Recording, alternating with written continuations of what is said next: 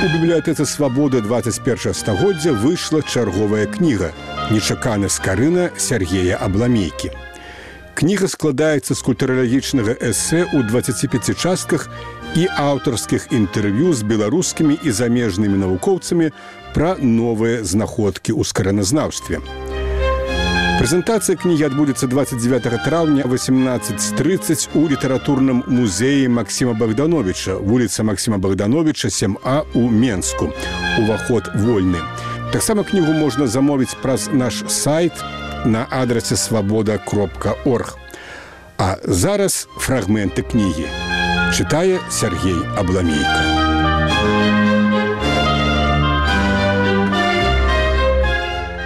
Навукоўцы раней шмат спрачаліся, на якой менавіта мове скарына выдаў біблію. У наш час такіх спрэчак амаль няма. Нават у вікіпедыі можна прачытаць, што скарына выдаў біблію на царкоўнаславянскай мове беларускай рэдакцыі.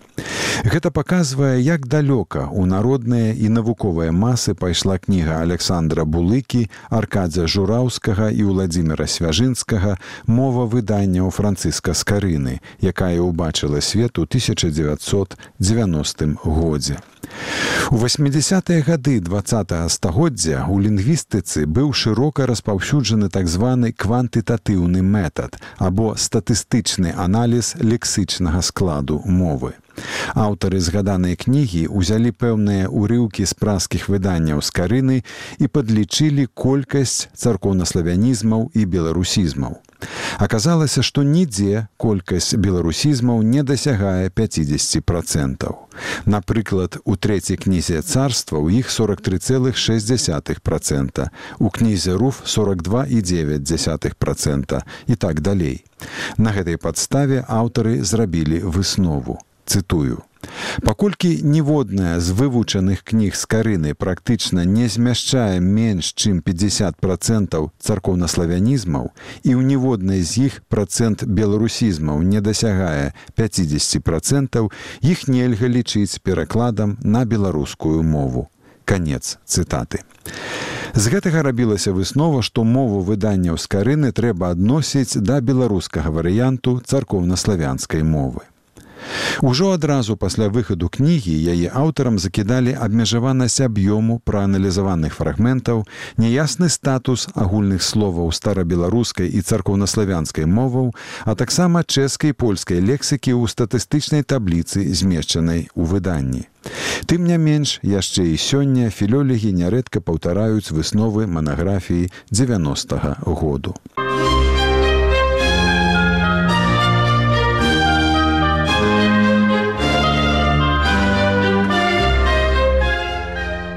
У акадэмічнай школы, якую ўзначальваў аркаць жураўскі, была і навуковая апазіцыя. Яе ўдзельнікі групаваліся вакол прафесара БДУ Льва Шакуна, які лічыў мову выданняў з карыны аўтарскім варыянтам і дыялектам старабеларускай мовы. Некаторыя навукоўцы лічылі мову прадмоў з карыны, якая значна бліжэйшая да тагачаснай народнай мовы старабеларускай, а мову ўласна перакладу кніг бібліі называлі царкоўнаславянскай. Нарэшце існавала думка, што і дыялект з карынай з'яўляецца унікальнай, адзінкавай у сваім родзе гібриднай сумесю старабеларускай, царкоўнаславянскай, чэшскай і польскай моваў з дамешкам германізмаў.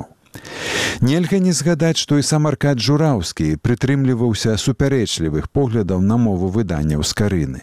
Гэта добра відаць з агляду ўсяго спектру меркаванняў за апошнія два стагоддзі, які зрабіла прафесор філілагічнага факультэту БДУ Людміла Машчэнская. Цытую. Мова перакладаў і прадмоў да сённяшняга дня не мае адназначнага вызначэння. Да царкоўнаславянскай адносілі мову з карыны лінды сабалеўскі воўк леванович флароўскі мартэль да спрошчанай царкоўнаславянскай успенскі да асобнага тыпу царкоўнаславянскай парукаў. Да беларускага варыянту царкоўнаславянскай мовы жураўскі Двухплянавасць мовы выданняў з карыны вызначаў жураўскі. Аснову яе складае народная мова, якая цесна суадносіцца з царкоўнаславянскай. Асобны тып гібриднай царкоўнаславянскай беларускай мовы, аналях якой немагчыма знайсці ва ўсіх славян таго часу. Прамежкавае звяно ў працэсе пераходу ад царкоўнаславянскай мовы да беларускай у сферы рэлігійнага ўжытку. Уладзіміраў Алексютович ломцеў лічылі мову з карыны беларускай. Канец цытаты. Як відаць, часамі аркаць жураўскі прызнаваў, што аснову перакладаў з карыны складае народная мова і лічыў яе прамежкавым пераходным звяном ад царкоўнаславянскай да беларускай.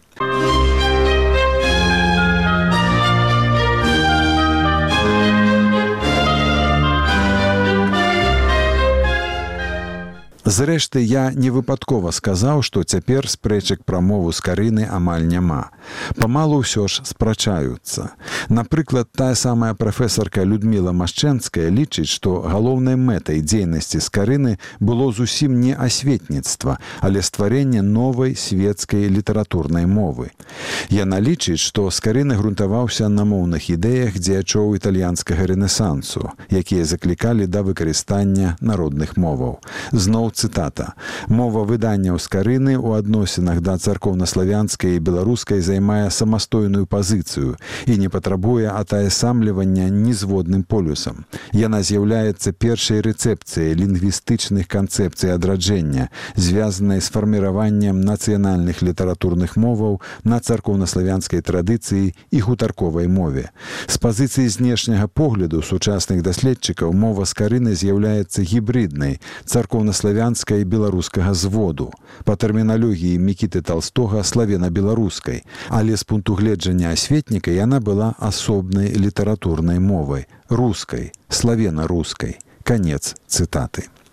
Тэрмін славена-руская канечне з карыны тут прыпісаны. Сам першадрукар сваю мову называў рускай Адрозную ад канцэпцыі машчэнскай пазіцыю у наш час прадстаўляе вядучы навуковы супрацоўнік аддзелу гісторыі беларускай мовы акадэміі навук беларусі Ірына Буцько.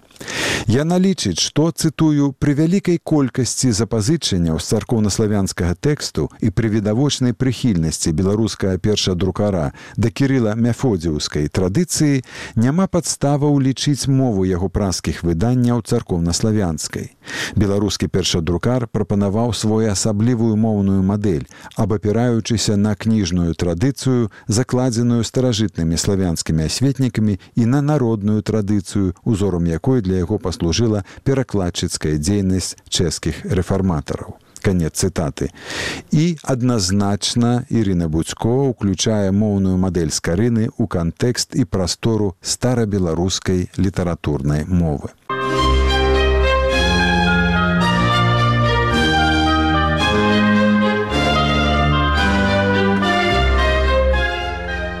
Вось жа нават з гэтага кароткага агляду робіцца відавочнай наяўнасць розных нават процілеглых ацэнак бібліі рускай з боку лінгвістаў. У гэтай сувязі трэба сказаць, што мова выданняў з карыны гэта не чыста лінгвістычная праблема. Гэта праблема гісторыі Беларусі і беларускай культуры. Лінгвісты могуць яшчэ доўга вынаходзіць тыя або іншыя вузкаспецыяльныя метады аналізу і распрацоўваць на іх падставе канцэпцыі, якія самі ж пасля і абвергнуць. Навука, як вядома, не стаіць на месцы. Канчатковых высноваў не існуе нават у такіх дакладных навуках, як фізыка або матэматыка. Задача гісторыка пошук і збіранне гістарычных фактаў, таксама іх наступная інтэрпрэтацыя пры дапамозе актуальных метадаў гістарычнай навукі і дадзеных сумежных навуковых дысцыплін. З усяго вышэй сказанага вынікае, што для гісторыка мова скарынавага перакладу біблейных кніг і яго прадмоваў да іх гэта праблема інтэрпрэтацыі. Намер скарыны выдаць біблію па-руску старабеларуску, выкладзены ўжо ў назве выдання біблія руска гістарычны факт. Перакананне скарыны, што свой намер ён ажыццявіў, выяўленае ў шматлікіх прадмовах фразамі накшталт, вылажаны доктарам францыскам скарыную і славнага града полацка на рускі язык, зуполне вылажаны на рускі язык, казалось мне ціснуць кнігу святого Іова рускім языком, гэта гістарычны факт. Перакананне дзеючаў 16-17 стагоддзяў кароль Жгемонт Аўгуст або мітрапаліт Антоній сялява. У тым, што скарына выдаў біблію па-руску або чытай па-стара-беларуску, гістарычны факт. Прысутнасць вялікай колькасці тагачаснай беларускай лексікі ў ягонай бібліі таксама гістарычны навуковы факт, установлены сучаснай лінгвістыкай. Такім чынам, значная прысутнасць у мове скарыны беларускага лексычная і граматычнага кампанентаў побач з ацэнкай гэтай мовы з боку самога першадрукара дае гісторыку падставы назваць мову праскіх выданняў скарыны адным з варыянтаў стара-беларускай літаратурна-пісьмовай мовы і лічыць яе значным этапам у гістарычным развіцці беларускай мовы. Скарына хацеў перакласці біблію на стара-беларускую мову і так або іначай свой намер ажыццявіў.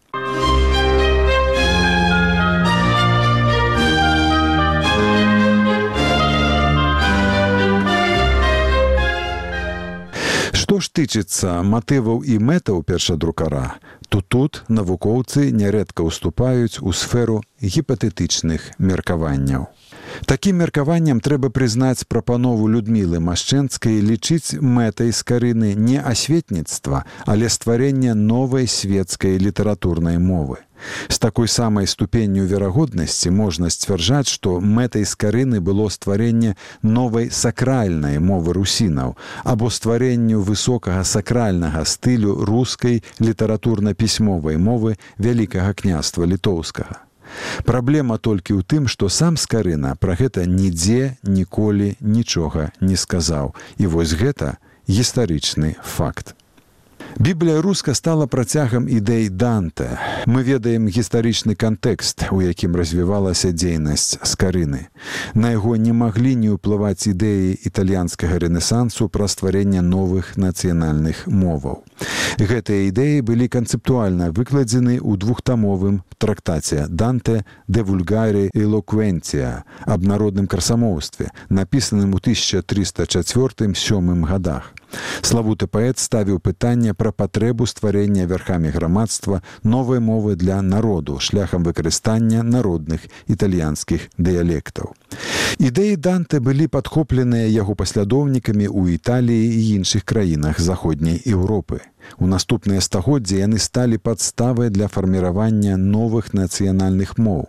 Дзейнасць скарыны цалкам укладаецца ў гэтае рэчышча. Людміла Машчэнская таксама прызнае, што мова выданняў скарыны з'яўляецца першай рэцэпцыяй лінгвістычных канцэпцый адраджэння, звязанай з фарміраваннем нацыянальных літаратурных моў на царкоўнаславянскай традыцыі і гутарковай мове, але робіць пры гэтым парадаксальную выснову, што мова бібліі рускай у адносінах да царкоўнаславянскай і беларускай займае самастойную пазіцыю і не патрабуе атаясамлення нізводным полюсам. Гэта выснова лінгвіста, але не гісторыка.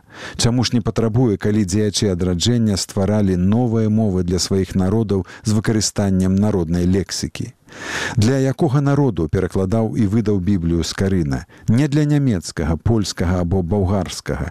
Ён выдаваў яе і пра гэта шмат разоў напісаў сам для сваіх братоў Русі, людзей паспалітых.